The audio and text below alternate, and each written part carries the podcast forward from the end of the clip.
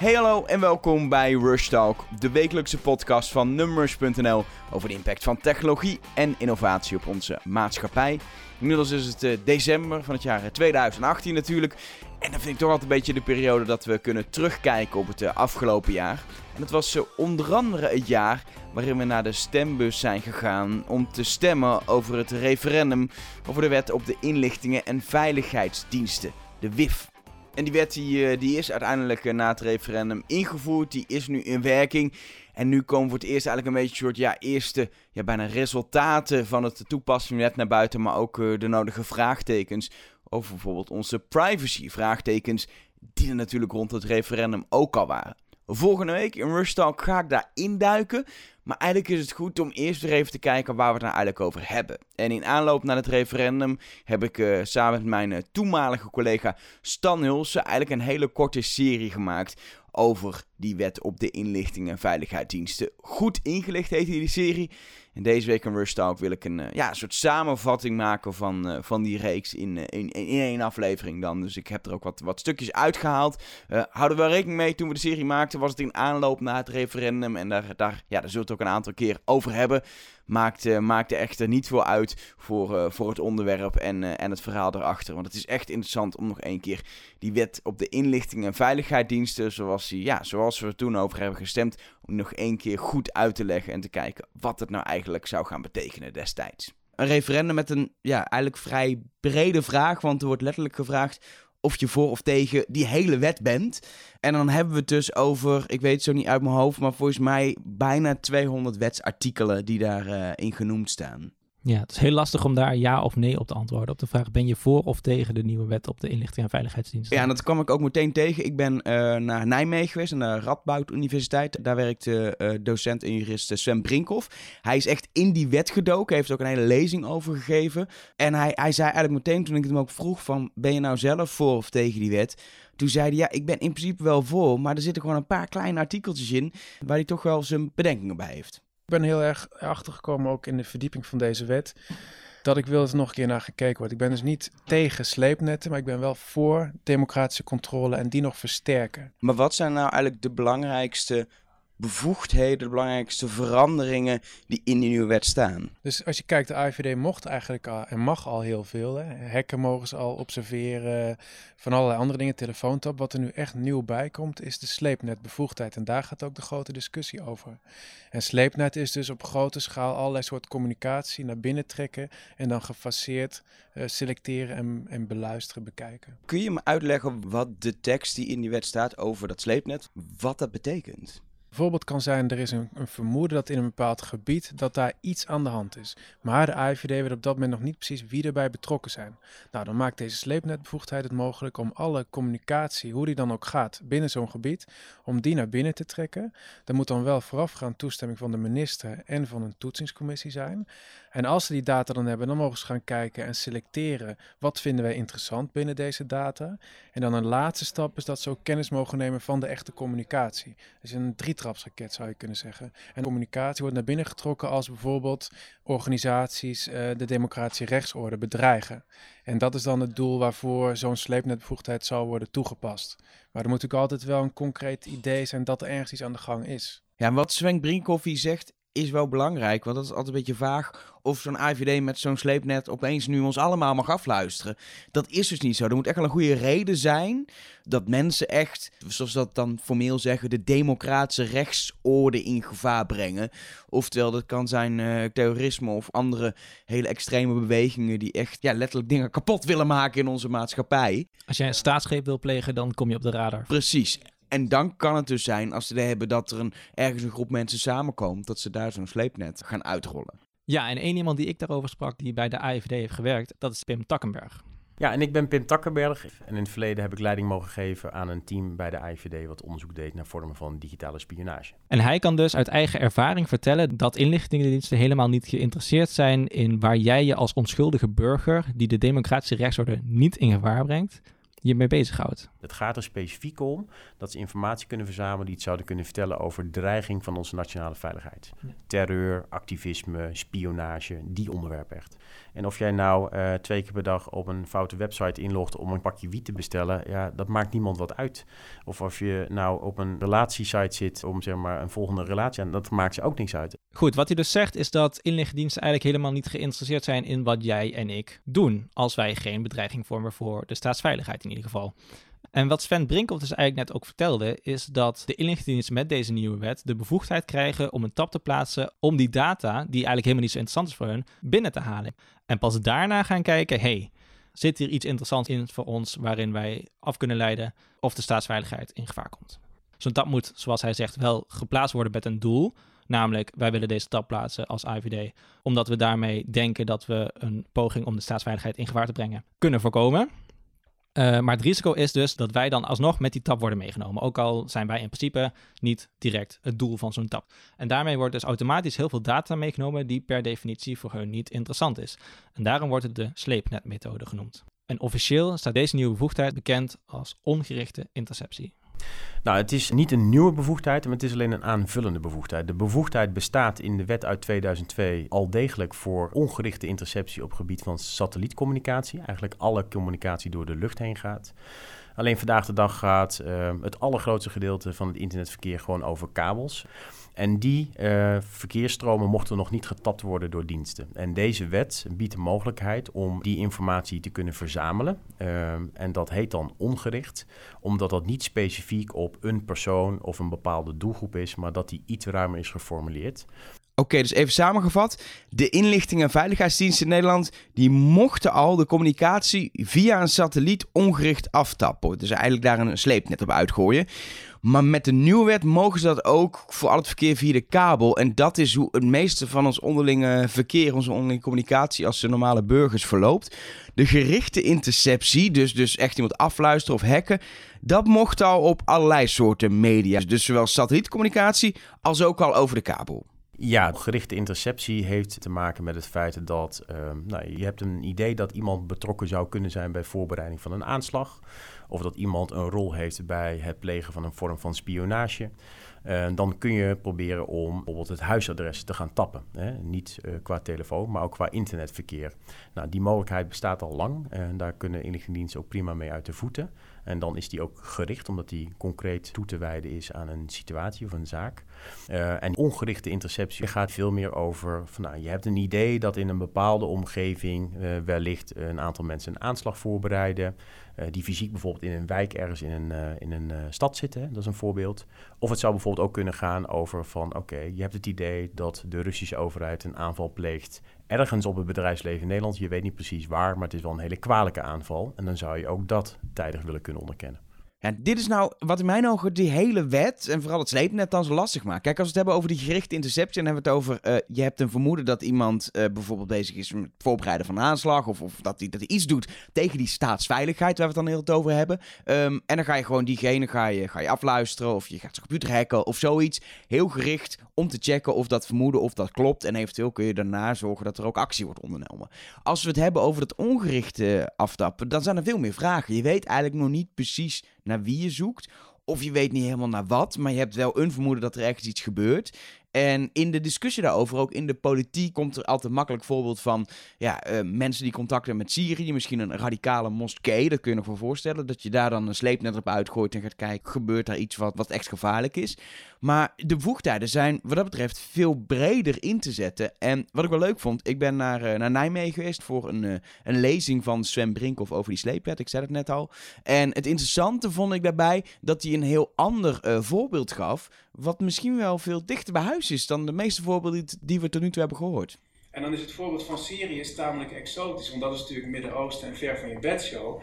Um, maar de wet maakt het ook mogelijk dat zoiets gebeurt in Nederland dat de AIVD zegt van nou, we hebben het idee bijvoorbeeld dat nu in Groningen zich een soort anti-Hollands sentiment aan het ontwikkelen is. Vormt een gevaar voor, de, noem maar een voorbeeld. Nou, stel dat er ontstaat een of andere radicale anti-Den Haag beweging, nou, dan zou het zomaar kunnen dat de AIVD eh, een stukje van de stad Groningen, de provincie, alle data daar naar achter gaat trekken om te kijken wat klopt hier nou van. Ja, Pim Takkenberg noemde dat net ook al. De kerngebieden waar de inlichtingendienst zich mee bezighouden zijn terrorisme, activisme en spionage. Bijvoorbeeld dus in, eh, in Groningen zou dat kunnen gebeuren. Het zou ook in Groningen kunnen gebeuren. En iemand die daar meer over kan vertellen is Constant Heijzen. Hij is namelijk gepromoveerd op de rol die Nederlandse inlichtingendiensten sinds hun oprichting in 1912 in de maatschappij hebben gespeeld. Mijn naam is eh, Constant Heijzen. Ik ben uh, in november 2016 gepromoveerd op een uh, promotieonderzoek naar de Nederlandse inlichtingengeschiedenis. Ik heb specifiek gekeken naar de rol van politieke, ambtelijke, maatschappelijke debatten uh, over inlichting en veiligheidsdiensten en de mate waarin die effect hebben gehad op de veiligheidsdiensten. Wat mij heel erg bij is gebleven met het gesprek met Constant Heijzen, is dat er ook heel makkelijk verwarring kan ontstaan. Want jij noemde net ook heel expliciet dat waar de inlichtingdienst zich mee bezighoudt, zijn vermoedens van zaken die de staatsveiligheid in gevaar brengen, zoals terrorisme, activisme, dat soort zaken. Um, het gaat dus over vermoedens en niet over verdenkingen. En dat betekent eigenlijk dat een inlichtingdienst per definitie onschuldige burgers in de gaten houdt, want ze worden nergens van verdacht. Ja, als ik iets vanuit dat historisch perspectief wel kan zeggen, is dat juist inlichting en veiligheidsdiensten, en dan met name veiligheidsdiensten die dus onder de eigen bevolking actief zijn, um, die zijn ooit opgericht juist om op een vrij grote schaal door gegevens van onschuldige burgers te gaan, om daarbinnen te kunnen aanwijzen, wacht, maar hier zit een organisatie ja, die wordt gewoon gesteund door uh, Moskou. Of die en die voorzitter, die reist drie keer per maand gewoon naar Moskou toe... en die wordt daar geïnstrueerd over de standpunten die die moet innemen. Tegenwoordig, als er een terroristische aanslag plaatsvindt... we vinden dat zo verschrikkelijk dat we dus toestaan dat in het voorstadium... het is geen politie en justitie die aan opsporing en vervolging doen... En uh, we hebben dus die diensten ooit opgericht om in dat voorstadium actief te zijn. Om zo'n catastrofe als een aanval op het land, een, een staatsgreep, een terroristische aanslag, om die te verhinderen. En hebben dus gezegd van daarmee accepteren we dat ze hun werk doen onder onschuldige burgers. Gaan ze door gegevens van onschuldige burgers heen. Dus dat hele strafrechtelijke denken past hier niet, want het zijn onschuldige burgers. Niemand, ook niet de mensen die onder een telefoontap staan van de AIVD. Dat feit betekent niet dat ze van iets verdacht worden verdenking past bij politie en justitie. Dus iedereen is in wezen onschuldig en blijft dat ook totdat ze aan die politie en justitie worden overgedragen. Dus die gedachte dat je een dienst kan hebben die alleen maar tegenover zeg maar onderkende, onderkend gevaarlijke individuen zijn bijzondere bevoegdheden mag inzetten, dat bestaat niet. Nou, en daar hoort bij dat je accepteert als uh, samenleving dat die diensten actief zijn ja, onder onschuldige burgers. Anders moet je ze denk ik opdoeken probleem is natuurlijk dat wij niet precies weten wie de AIVD tot staatsvijand klassificeert. Wie, wie vormen een bedreiging voor de veiligheid van de staat. Ja, dat klopt. Dat is uh, denk ik zo'n zo'n ingebakken probleem die niet los te denken is van het bestaan van de inlichtingen en veiligheidsdiensten in democratische rechtsstaten. Um, je ziet die vraag al van het begin af aan opduiken. Um, ik denk dat die, dat die er zo uitziet uh, om, om effectief te kunnen zijn, of in ieder geval om überhaupt uh, geheim inlichtingwerk te kunnen verrichten, uh, zeggen die diensten en de politici die er verantwoordelijk voor zijn, van ja, daar hoort een bepaalde mate van geheimhouding bij. Tegenwoordig is het in de wet zo vastgelegd, ze mogen geen actuele gegevens meedelen. Dus dat houdt in wat ze nu weten over een bepaalde organisatie en daarbinnen bepaalde individuen daar mogen ze geen openbare uitspraak voor doen. Want als je dat gaat doen, is de redenatie, dan kun je wel opdoeken. Want dan gaan die mensen zich onttrekken aan precies die onderzoeken waar jij je tijd en geld aan besteedt.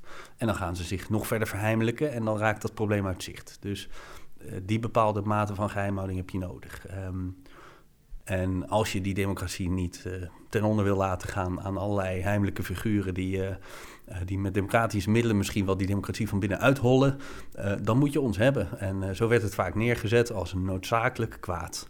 Het is, het is niet prettig, want die dient mag van alles wat we eigenlijk niet goed verdraagbaar vinden met die democratische rechtsorde.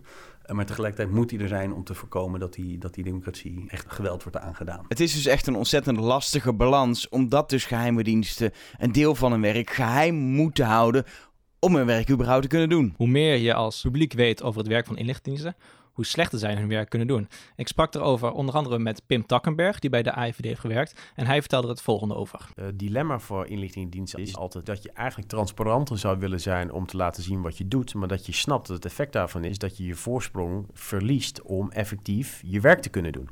En dat is een dilemma wat je nooit oplost. Ja, Pim Takkenberg zegt u dus eigenlijk dat het voor een inlichtingendienst heel erg een moeilijk dilemma is om een juiste afweging te maken tussen de balans hoeveel vertellen we en hoeveel vertellen we niet. En die balans, dat is natuurlijk iets waar een inlichtingendienst veel meer mee worstelt. Ik sprak ook met Constant Heijzen, hij is gepromoveerd op de relatie tussen inlichtingendiensten en de maatschappij. En wat hij vertelde is dat een inlichtingendienst voor alle facetten van hun werk eigenlijk naar die balans moet zoeken. Uh, bijvoorbeeld bij de inzet van bepaalde bevoegdheden van het mogen inbreken in jouw woning, tot het mogen openen van jouw brief, uh, tot meer in het digitale domein, het zetten van een uh, e-mailtap op jouw computer, het plaatsen van telefoontaps, ook altijd een veel bediscussieerd instrument. Ze hebben een set van bijzondere bevoegdheden, die zijn al in de voorgaande wet 2002 goed vastgelegd. Um, en dat zijn de meest ingrijpende bevoegdheden. Die maken een inbreuk op de grondrechten zoals we die in de grondwet hebben vastgelegd voor de individuele burger. De inlichtingendiensten mogen dus bepaalde dingen. Ze hebben deze bijzondere bevoegdheden. Dit zijn dus bevoegdheden waarvan we eigenlijk zeggen dat we die niet wenselijk vinden, omdat we vinden dat deze bevoegdheden eigenlijk helemaal niet passen bij een democratische rechtsstaat. Tegelijkertijd heb je in democratische rechtsstaten allerlei waarden die horen bij die democratische rechtsstaat. En een van die waarden is transparantie. Dat de overheid verantwoording zou moeten kunnen afleggen en dat daarom burgers inzicht zouden moeten hebben in het rijlen en zeilen van, in het doen en laten van. Um, nou, die transparantie voor deze specifieke diensten is begrijpelijkerwijs beperkt. Juist vanwege dat argument, als je te veel uh, gegevens over wat die diensten doen en wie ze precies tot gevaar voor de nationale veiligheid rekenen, dan kan je die hele inlichtingactiviteit gewoon wel stoppen. Stop er dan maar mee. Dus die twee staan vooral op gespannen voet met elkaar. Uh, en ik denk dat je dat niet gaat oplossen in de zin van dat het naar de tevredenheid van een van deze twee extremen gaat worden ingelost. In de zin dat je zegt van nou, of dan vertellen we helemaal niks meer, of we gaan alles vertellen. Uh, dus er zal altijd een soort grote ontevreden groep op die lijn blijven tussen die twee extremen. De conclusie is dus eigenlijk dat we met het bestaan van een inlichtingendienst automatisch de balans moeten zoeken tussen die bijzondere bevoegdheden, waarvan we eigenlijk zeggen we willen eigenlijk niet dat een organisatie die kan inzetten, want dat past niet bij een democratie. En aan de andere kant dat we deze bijzondere bevoegdheden misschien wel nodig hebben om die democratie juist te beschermen. Ja, en ik vind het wel interessant, want ik sprak precies hierover met Sven Brinkhoff. Hij is jurist en legt ook uit van ja, eh, politie en justitie, die zijn voor opsporing en vervolging. En inlichtingendiensten, die hebben echt een andere taak. En dat is het beschermen van de democratische rechtsstaat. Klopt. En als de politie aan de slag gaat, moet er al een harde verdenking zijn. Dus er moet echt harde, concrete, tastbare informatie zijn. Maar bij inlichtingendiensten is dat veel vager. En wij als normale burger hebben ook helemaal geen zicht erop wat nou voor een inlichtingendienst voldoende informatie is om dit soort bevoegdheden te gaan gebruiken. Maar je zou het kunnen ophangen aan dat stokpaardje van als die dreiging voor die democratische rechtsorde er is en ze hebben vermoeden wie erbij betrokken zijn, dan kunnen ze aan de slag. Ja, het is eigenlijk heel lastig voor ons als burger om grip te krijgen op het werk van een inlichtingendienst. Uh, want we weten niet wie zij als een bedreiging voor de staatsveiligheid klassificeren, maar ook niet wanneer zij deze bijzondere bevoegdheden gaan inzetten. En sowieso weten we heel weinig over wanneer het in wordt gezet. Er is nu wel afgesproken dat tapstatistieken over hoeveel er wordt getapt, dat dat openbaar wordt in getalvorm. Dan weten we ongeveer hoeveel ze doen. Maar we weten eigenlijk helemaal niet hoe vaak ze daadwerkelijk een succesvolle operatie hebben. Dat ze daadwerkelijk een aanslag verijdelen. En wanneer niet, hoe vaak dat lukt. We hebben geen cijfers. Ja, de enige aanwijzing die we daarvoor hebben is eigenlijk uh, Rob Bertolet, de baas van de IVD, die in januari bij College Tour vertelde over het aantal aanslagen dat de inlichtingendienst vermoedelijk heeft voorkomen. Hoeveel van dit soort momenten heeft u zelf meegemaakt? Dat, dat u zegt van nou ja, we hebben waarschijnlijk een aanslag verijdeld in die zeven jaar dat u nu, zes, zeven jaar dat u uh, hoofd bent van, van de IVD? Nou, ik heb dat, ik heb dat niet geteld. Um, en, uh, maar recent zijn dat er naast dit voorbeeld zijn er nog wel uh, denk ik een twee of drietal die ik niet allemaal bij voorbeeld kan noemen. uh, omdat sommige nog, uh, nog lopen en ook onder de rechter zijn. Maar dus in uw periode, om het samen te vatten, rond de drie à vier serieuze pogingen waarvan ja. u zegt van dat hebben we weten te voorkomen. Dat hebben we weten te voorkomen en dat kan ik ook hier heel stellig zeggen. Ja, wat Rob Berteleders doet, is eigenlijk wel een soort van indicatie geven van hoe effectief de inlichtingendiensten de afgelopen jaren onder zijn bewind zijn geweest. Hij blijft nog wel een beetje vaag, drie, vier, dat is nog niet helemaal duidelijk. En hij gaat ook niet echt in op de details. Dus wat uiteindelijk de situatie is, is dat wij als burgers helemaal niet concreet met cijfers kunnen meten hoe effectief de IVD eigenlijk is. Ik vond het überhaupt eigenlijk wel opvallend dat Rob Bertolet in januari opeens in college toe zat om daar uh, ja, voor een zaal studenten vragen te beantwoorden, gewoon geïnterviewd te worden door Twan Huis. Uh, eigenlijk iets wat we van de IVD helemaal niet echt gewend zijn, dat ze zo naar buiten treden. Ja, met Constant Heijzen, waar ik mee sprak, heb ik het daar ook over gehad. En hij zegt dat hij wel ziet dat de inlichtingendiensten, en dan met name de IVD, die dus vooral binnen Nederland actief is, actiever is om wat opener te worden. Nou, je ziet wel uh, aan de kant van de AIVD, en het interessante is altijd dat de MIVD ja, dat publieke gezicht nog wat minder heeft. Er lijkt ook toch een soort grotere vanzelfsprekendheid uh, aan ten grondslag te liggen. Ja, gebeurt dat goed genoeg? Ik denk dat het altijd beter kan. Um, ik zie wel een hele zoekende dienst. De ene keer toch uh, ook evenementen organiseren. En tegenwoordig zitten ze op Twitter. Nou, dat past ook wel een beetje bij deze tijd. Maar ook dat is wel weer ingewikkeld natuurlijk. Want dan krijg je ook een heleboel ja, uh, moeilijke dingen op je af misschien omdat um, dat het voor die dienst altijd moeilijk blijft om in discussie te gaan over dat soort gegevens. Omdat ze altijd bang zijn van ja, maar dan komt er een vraag en die gaat weer naar die binnenste schil. En daar moeten we van de wet over zwijgen. Dus het, het, het is ook heel ingewikkeld om je in een uh, maatschappij en een politieke omgeving te bevinden waar je in zekere zin altijd op je hoede moet zijn over wat je nou wel en niet kunt zeggen. Alleen de implicatie mag nooit zijn, vind ik, in een democratisch rechtsstaat zoals we hem nu in Nederland kennen, dat je categorisch gaat zwijgen. Dat je zegt van nee, maar dan maar liever helemaal niet discussiëren, um, want uh, dat is makkelijker. Uh, je hebt altijd een soort uitlegplicht. Dus met de beperkte hoeveelheid gegevens die je publiek kunt delen, moet je toch proberen uit de voeten te kunnen, ook al is dat lastig. Het burgerlijk toezicht is dus eigenlijk heel beperkt. Wij kunnen als Nederlands burger eigenlijk heel moeilijk controleren wat de inlichtingendiensten doen. Maar er is wel natuurlijk parlementair toezicht. Wij hebben volksvertegenwoordigers gekozen die namens ons controleren wat de inlichtingendiensten onder meer doen. En dat doen zij in de Commissie voor de Inlichtingen en Veiligheidsdiensten, CIVD. En die bestaat uit de fractievoorzitters van de vijf grootste politieke partijen. Die uh, met een verkeerde naam altijd uh, commissie stiekem, uh, zo wordt die aangeduid.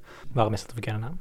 Nou, daarmee bekrachtig je eigenlijk een praktijk, vind ik, die niet in orde is. Namelijk dat alles wat die commissie doet stiekem moet zijn. dit is juist, dat zijn onze afgevaardigden uh, die wij het toezicht, het politieke toezicht op de inlichting en veiligheidsdiensten toevertrouwen. En daar hoort aan de ene kant een vertrouwelijk overleg bij. En daarin uh, wordt dus gezegd van dat moet vertrouwelijk zijn, want anders kunnen die diensten niet over operationele details spreken bijvoorbeeld. Maar aan de andere kant zit daar transparantie bij, want die lui moeten ons ontdaan van dan de details, maar wel een indruk geven van naar onze indruk, uh, we hebben die in die onderwerpen besproken, verloopt dit goed, maken wij ons hier zorgen over. En met dat woord stiekem wordt het nog meer in het geheimhoudingshoekje. En daar zit het voor mijn gevoel nu iets te veel ook. Dus ja, met dat woordje stiekem, uh, ja, accepteer je een beetje dat, dat, dat, dat er dus geheimzinnigheid omheen hangt. En dat zou wel wat minder mogen, denk ik. Maar, uh, maar goed, maar dat, dat is een apart punt. um, En los van dat parlementaire toezicht, dus vanuit onze volksvertegenwoordiger, is ook nog een echte soort onafhankelijke controlecommissie, een toetsingscommissie. Die heet dan weer de CTIVD. Dus niet te verwarren met die Kamercommissie, die commissie Ziekum. Um, dat staat voor Commissie van Toezicht op de Inlichting en Veiligheidsdiensten. Het punt is alleen, die commissie die controleert eigenlijk achteraf of het werk goed is gedaan door de inlichtingendiensten. En zeker bij het inzetten van de sleepwet, de nieuwe bevoegdheid die, die, die wat breder is, wil je eigenlijk vooraf kunnen controleren. En dat kan nu dus nog niet. En daarom is er in de nieuwe wet op de inlichting en veiligheidsdiensten eigenlijk een nieuw toetsingsorgaan ingefietst. En dat is de TIB. Sven Brinkhoff legt uit hoe dat in de wet staat. Ja, je, je hebt al van oudsher heb je één toezichtcommissie, dat is de CTIVD. En die kijkt eigenlijk terug hoe de dienst heeft gehandeld, bijvoorbeeld rondom telefoontaps. wat er nou nieuw bij komt, is de zogenaamde TIB. En die gaat vooraf toestemming moeten geven voor een x aantal bevoegdheden, waaronder de sleepnetbevoegdheid. Als die niet groen licht geven, mag de AIVD niet gaan sleepnetten. In die TIB zitten drie personen. Het zijn uh, twee rechters. En daarnaast een technisch expert. En dat is Ronald Prins geworden, de oud-directeur van Fox IT. Een beveiligingsbedrijf wat heel veel werk voor de overheid heeft gedaan. En zelf heeft hij ook bij de AIVD gewerkt. En die commissie gaat dus de verzoeken om bijzondere bevoegdheden in te zetten van de AIVD vooraf keuren. Dus gaat straks ook bepalen of er een sleepnet kan worden uitgerold. Nou, en dat wordt dus een hele spannende. Hoe gaat die TIB zijn rol opvatten? Uh, hoe, hoe, laat zij zich voorlichten door de dienst? Op basis van wat voor informatie gaan zij beslissingen nemen? Gaan ze makkelijk ja zeggen tegen een sleepnet? Dat is iets wat we nu nog niet weten, want het gebeurt anno nu nog niet. En dat zal dus de toekomst moeten uitwijzen. Een beetje in reactie erop is wel uh, bepleit ook, legt dit eigenlijk nog meer uit handen van de uitvoerende macht. Maakt dit echt een rechtelijk college die ja of nee gaat zeggen? En dat is uiteindelijk niet gebeurd. Het is wel een onafhankelijke commissie, maar niet echt een rechtelijke commissie. Ja, want rechters hebben natuurlijk het doel om een wet te toetsen ja, en het heel, gebruik daarvan. Heel neutraal, heel onafhankelijk. En het kan zijn dat de TEB die rol ook zo oppakt. Maar dat weten we nog niet helemaal. Nou, en, en, je had harder in de wet kunnen zeggen wat de TEB allemaal mag. Ook bijvoorbeeld mogen zij alle informatie van de AIVD zien rondom een vraag die hun wordt gesteld. Dat staat er nu niet zo heel duidelijk in. Dat waren wel winstpunten geweest. Dan weet je in ieder geval uh, hoe ver de bevoegdheid van die commissie reikt. Er komt dus een, een, extra toetsingscommissie bij die vooraf gaat controleren. Maar de vraag is hoe effectief zij in de praktijk hun werk gaan doen of kunnen gaan doen. Ja, en dat klopt ook omdat die TEB, die is eigenlijk een beetje schoorvoetend ingekomen. In het initiële wetsvoorstel zat hij er anders in. Maar door alle kritiek is die er wat forser ingekomen. Maar nog steeds, ja, daar zit je ook met het spanningsveld dat een dienst eigenlijk dat niet zo heel graag wil. Maar het er nu toch wel in komt. Maar ja, dan maar zo, zo beperkt mogelijk. Dat is een beetje het gevoel. Wel controle, maar beperkt. Want wat wij doen als inlichtingendiensten is zo geheim. En willen het liefst met zo'n klein clubje mensen delen. Ja, wat ik hem hoor zeggen is dat er dus nog best wel veel vraagtekens zijn over de effectiviteit van dit toezicht vooraf. Ja, dat klopt. Er is dus met die TIB wel meer toezicht dan er in het verleden was in de wet geregeld. Maar in de praktijk is het heel afwachten hoe dat precies vorm gaat krijgen. En ook weer wat we daar als burger over gaan horen. Want ook het werk van de TIB is in principe natuurlijk geheim. We weten niet wat zij precies uh, te lezen krijgen en waar ze goedkeuring voor geven of niet. Het gebeurt in het geheim. Dus uiteindelijk komt het allemaal toch weer terug in dat wij vertrouwen moeten hebben in dat de IVD zijn werk goed doet. Ja, dat vertrouwen is natuurlijk wel een essentieel onderdeel van het hele inlichtingengebeuren. Vertrouwen wij de AIVD met de bevoegdheden die ze hebben? Daar komt nog bij dat wij nu een wet aan het maken zijn en daarmee bepaalde bevoegdheden dus ook verankeren. Dat betekent dat de IVD deze bevoegdheden mag inzetten, juist misschien omdat wij de IVD nu vertrouwen. De vraag is echter, we vertrouwen de inlichtingendienst van het heden misschien wel, maar je weet nooit wat er überhaupt gaat gebeuren in de maatschappij uh, waardoor de inlichtingendiensten er misschien heel anders gaan uitzien, waarin het politieke landschap eruit gaat zien. En dan is de vraag uiteindelijk, vertrouwen wij de inlichtingendienst van de toekomst ook met deze bevoegdheden? En daar heb ik het ook over gehad met Pim Takkenberg, die dus bij de AIVD heeft gewerkt. En die zei daar dit over. Kijk, die gevoeligheid over dit onderwerp is natuurlijk voor een heel groot gedeelte ook aangewakkerd door bijvoorbeeld Edward Snowden met zijn onthullingen. Waardoor we beeld hebben gekregen bij waar een grote inlichtingendienst uit Amerika allemaal toe in staat is en hoe dat werkt. Um, maar vergis je niet, dat een inlichtingendienst waar 40.000 mensen werken. Dat is echt gewoon een ongelooflijk groot apparaat.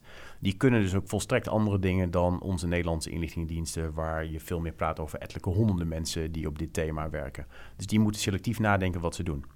En dan denk ik dat ik heel blij ben dat ik in Nederland leef, omdat ik vind dat ons democratisch bestel echt goed in elkaar zit en dat we dat goed hebben geregeld. En ik vertrouw ook op de systematiek dat um, als over vijf of tien jaar de situatie verandert, uh, dan is dat inherent ook een klein beetje het gevolg van het feit wat uh, uh, de bevolking en de mensen op dat moment ook gewoon vinden. we worden vertegenwoordigd door partijen die we kiezen, voor mensen die we kiezen, eh, die vertegenwoordigen de stem van het volk. Daar hebben we invloed op en volgens mij is dat de beste manier om te zorgen dat we daar altijd op een goede manier mee omgaan. En dan is het juist denk ik wel heel fijn om te weten dat een inlichtingendienst voor een deel verantwoording aflegt aan de politiek, maar voor een deel juist ook zelfstandig te werk gaat om te voorkomen dat die juist misbruikt kan worden in de verkeerde situaties. Uh, en tegelijkertijd maakt dat het ook een beetje mystiek. En hoe mystieker het is, hoe meer je ook uh, misschien toch gaat bedenken dat het allemaal wel eens niet zou kunnen kloppen. En dat begrijp ik heel goed. Dat is ook het lastige. Dat is altijd het dilemma. Dat is wel interessant, want precies hetzelfde onderwerp heb ik ook besproken met de Teun van Dongen. Hij is terrorisme-expert, onder andere gepromoveerd in Leiden op de effectiviteit van contra-terrorisme. En als eerste, voordat ik hem aan het woord laat daarover, is het natuurlijk interessant om even te kijken wat hij eigenlijk gaat stemmen op het referendum. Ja, ik neig nu wel naar een nee, maar daar zit ook weer een, een afweging achter van eigenlijk, ja, uh, die, die, over heel veel verschillende onderdelen uh, van die wet. Hè. Ik betwijfel de effectiviteit. Um, ik vind ook dat de, de, mogelijkheid van de AIVD om al die informatie ook te delen met buitenlandse diensten, zonder dat ze weten wat er daarmee gaat gebeuren.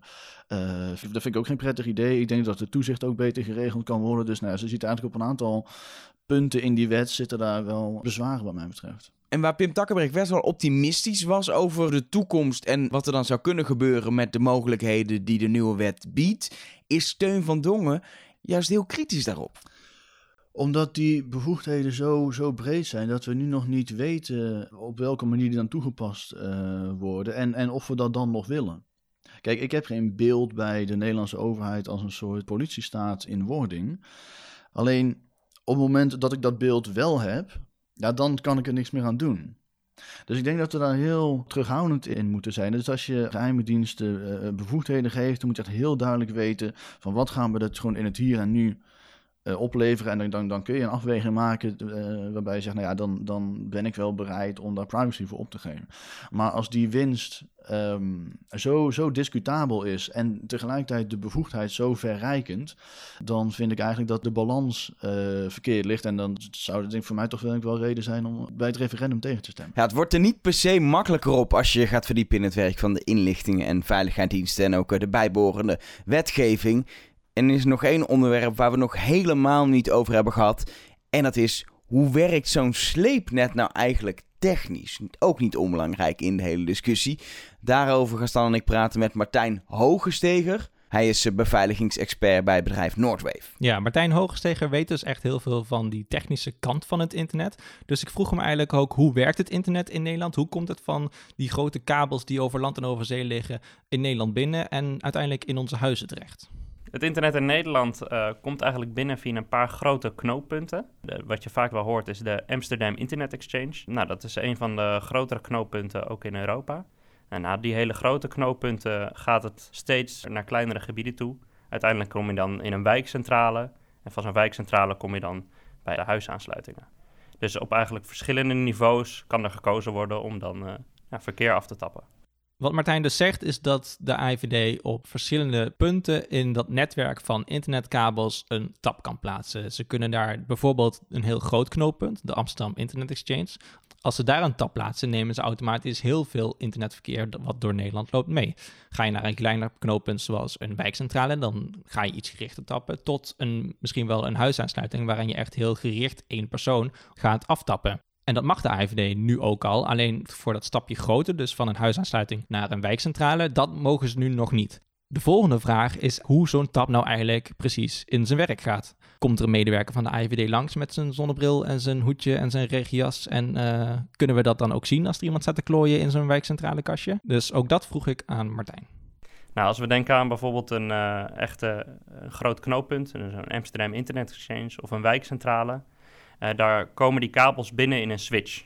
Nou, dat hebben de meeste mensen thuis ook wel staan in een routertje die je van, uh, van Ziggo of KPN krijgt. En eigenlijk zijn er dan meerdere poortjes die eigenlijk die data weer kunnen verdubbelen. Dus die data die gaat dan niet alleen maar het ene kabeltje in en het andere kabeltje uit. Die komt dan ook nog uit een paar andere kabeltjes. Nou, daar kan iemand zijn systeem op aansluiten en die data vervolgens nou, gaan opslaan. Ja, dat is fysiek hoe het uiteindelijk werkt. Um, soms worden daar wel wat uh, makkelijke trucjes voor gebruikt om dat vaker makkelijk te kunnen doen. Dat een, een kabel standaard aangesloten zit bijvoorbeeld. Dat heeft dan al uh, ooit een keer plaatsgevonden, gewoon bij de installatie. Dus een communicatieaanbieder die kan ergens een, uh, een vinkje aanzetten dat de communicatieverbinding ook ergens anders heen gaat.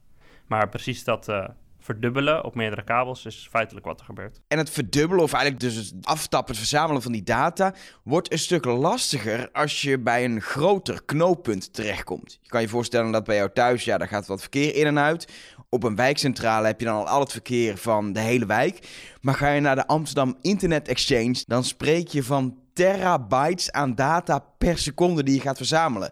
En het is niet alleen lastig om dat dan op te slaan. Dan heb je natuurlijk gewoon grotere servers nodig om, om het op te slaan. Maar het al lastigste wordt om daar de juiste data in te vinden. Om dus een filter te ontwikkelen om de relevante data af te tappen. Maar hoe werkt dat dan? Martijn had daar wel een mooi voorbeeld bij, want hij stelde zich voor dat zo'n filter eigenlijk een soort sorteercentrum van een postbedrijf is. Je kan het voor je zien als echte pakketjes, laten we even PostNL voorstellen, waar een soort sorteercentrum is. En ehm, er wordt een systeem neergezet die gaat alle groene pakketjes eruit pakken uh, die naar Taiwan gaan. Nou, daar gaat gewoon uh, iemand staan. Nou, dat is dan een apparaat. Nou, die bekijkt alle pakketjes. Maar die gaat alleen maar alles pakken die groen is en naar Taiwan gaat. Nou, daar maken ze dan een kopie van en dat wordt opgeslagen. Zal die andere pakketten die worden wel bekeken, maar die worden nooit opgeslagen. En dat gebeurt dus automatisch door zo'n systeem.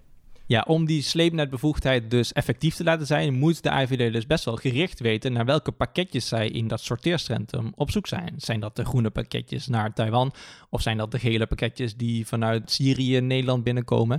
Het is eigenlijk een beetje zoeken naar een speld in een hooiberg. die speld kan bijvoorbeeld het IP-adres van die website in Taiwan zijn. Die speld kan ook een uh, bepaald bestandje zijn die uh, malafide is. Maar je moet dan heel specifiek weten naar wat voor speld je zoekt omdat je die hele hooiberg in principe niet kan doorzoeken, omdat het zoveel data is.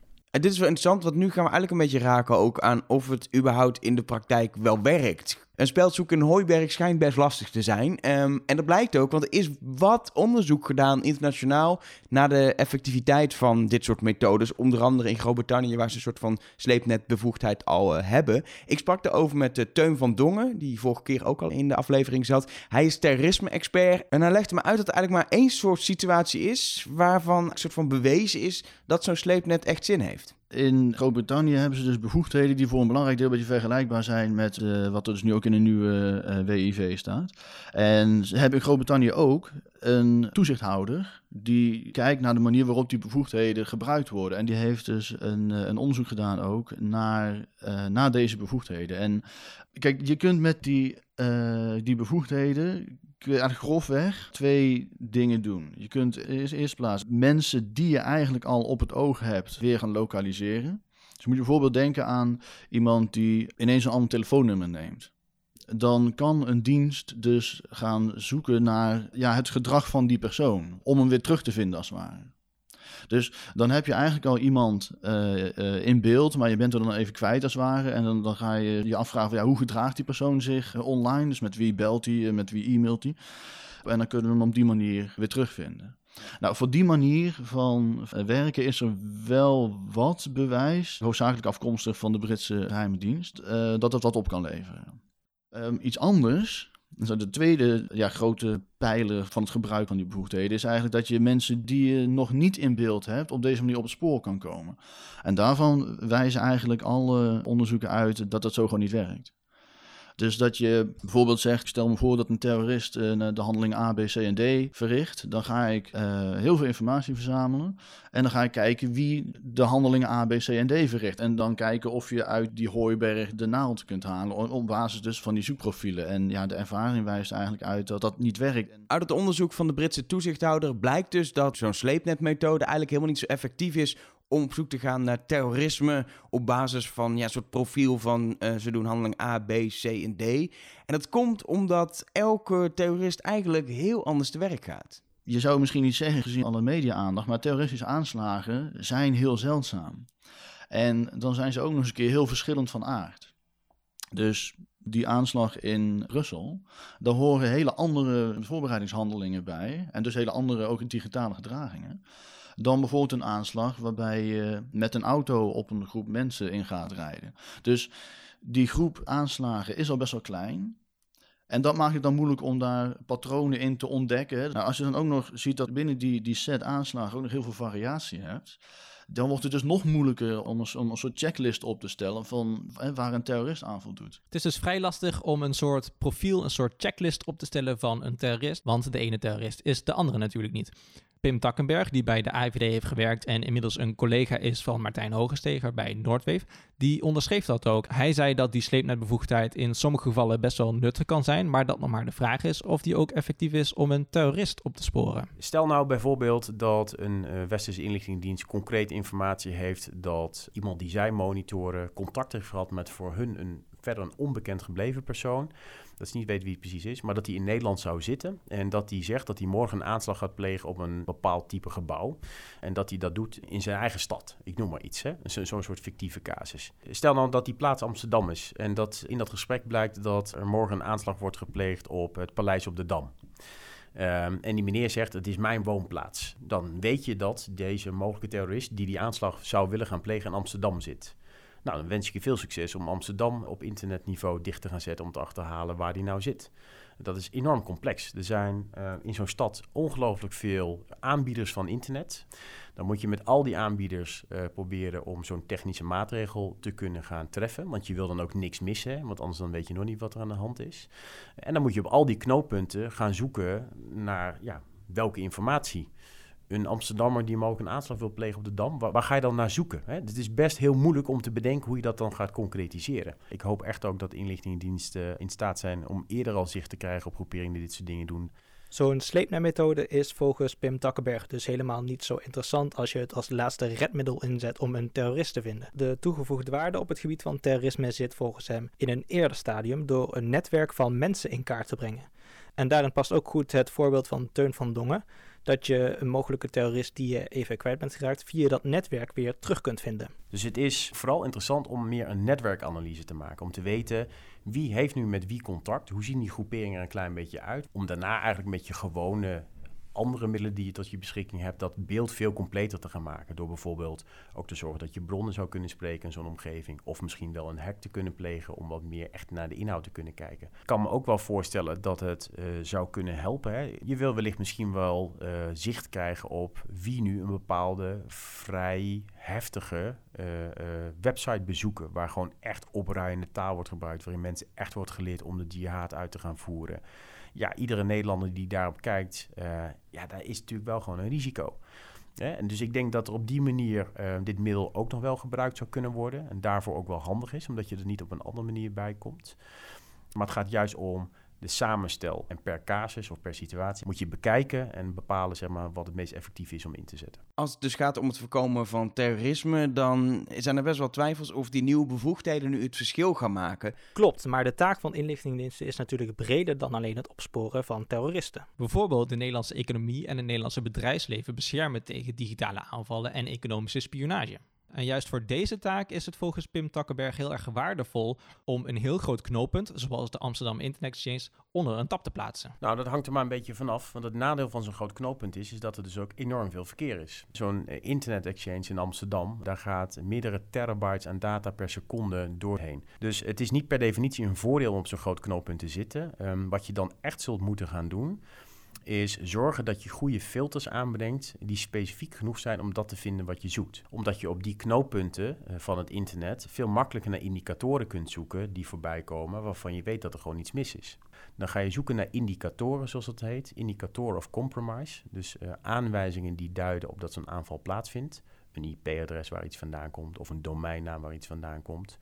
Uh, en als je die weet, dan kun je op zo'n groot knooppunt gaan filteren, omdat je weet dat aanwijzing, die indicator, die is direct te koppelen aan hun aanval. Dus wil je gewoon weten als hij in Nederland binnenkomt waar die naartoe gaat. Want dan krijg je daarmee beeld bij welk bedrijf mogelijk nu aangevallen gaat worden. En dan is het interessant. Dus het heeft echt wel te maken met heb je al voldoende informatie om op die knooppunten, die hele grote stroom aan verkeer, slim te kunnen filteren om wel datgene te vinden waar je naar zoekt.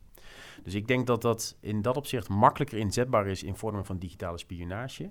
En als het gaat over het gebied van terreurbestrijding, um, nou ja, dat het uh, soms ook wel eens uh, iets zou kunnen bijdragen, maar dat het wel een stukje ingewikkelder is. Het kan dus voor zo'n inlichtingendienst heel erg waardevol zijn om naar zo'n groot knooppunt te gaan.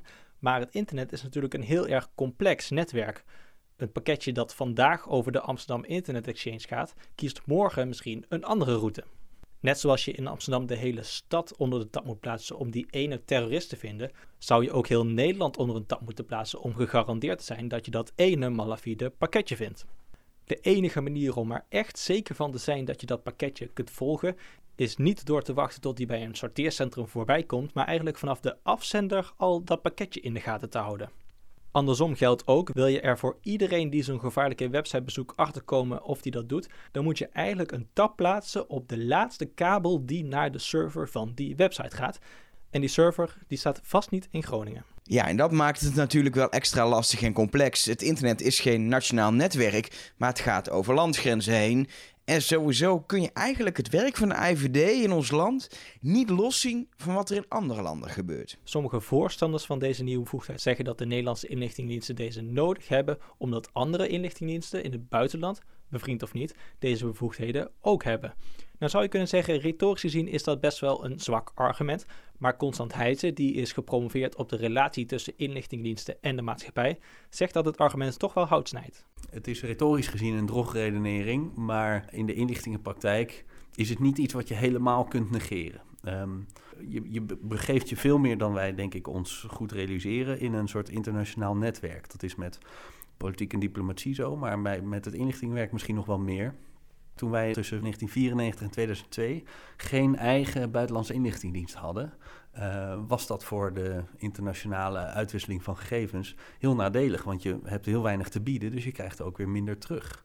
Dus als je iets te bieden hebt, krijg je meer terug. Dat is denk ik wel een stelregel die wel geldt. Um, dus aan dat hele internationale gebeuren kun je nooit helemaal onttrekken. En die internationale samenwerking, die maakt ook wel lastig. Juist omdat we niet precies weten wat er wordt gedeeld, wat wordt samengewerkt. En dat is ook wel een punt wat je in de kritiek ziet. Dat juist mensen dat een probleem vinden. Dat onze data wordt gedeeld met bijvoorbeeld de Amerikanen. En niet te vergeten dat de data drie jaar mag worden bewaard. Als er iets met een sleepnet wordt verzameld, mag het gewoon nog drie jaar bij de IVD worden bewaard. Zolang het maar in het belang is van een onderzoek. Maar ja, ook dat is niet helemaal in de wet gedefinieerd wanneer het nou in het belang is van een onderzoek. Conclusie, het is ingewikkelde materie. Daar kwamen Stan en ik al achter toen we deze serie, die je nu in een iets andere vorm opnieuw hebt gehoord, maakten in aanloop naar het referendum in, eh, in maart. En daar komen we opnieuw nu achter, nu er iets meer duidelijk wordt over de toepassing van de wet in de praktijk. Volgende week in Rush Talk gaan we daar verder op in alle informatie die je ervoor nodig hebt. Alle, alle technische details, maar vooral ook juridische details. En de hele werking van de inlichtingendiensten. Nou, die ken je nu dankzij, uh, dankzij eigenlijk even de herhaling van wat, uh, wat Stan en ik in maart hebben gedaan. Dus volgende week in Rustalk het vervolg. Dan gaan we naar het heden kijken. En voor nu wil ik je hartelijk bedanken voor het luisteren. Laat vooral een review achter in de podcast-app van Apple of iTunes. Als je Rustalk een leuke podcast vindt en wil je nog reageren, stuur dan een berichtje at Elger of Nummers of via facebook.com slash Nummers. Dan zeg ik graag tot de volgende.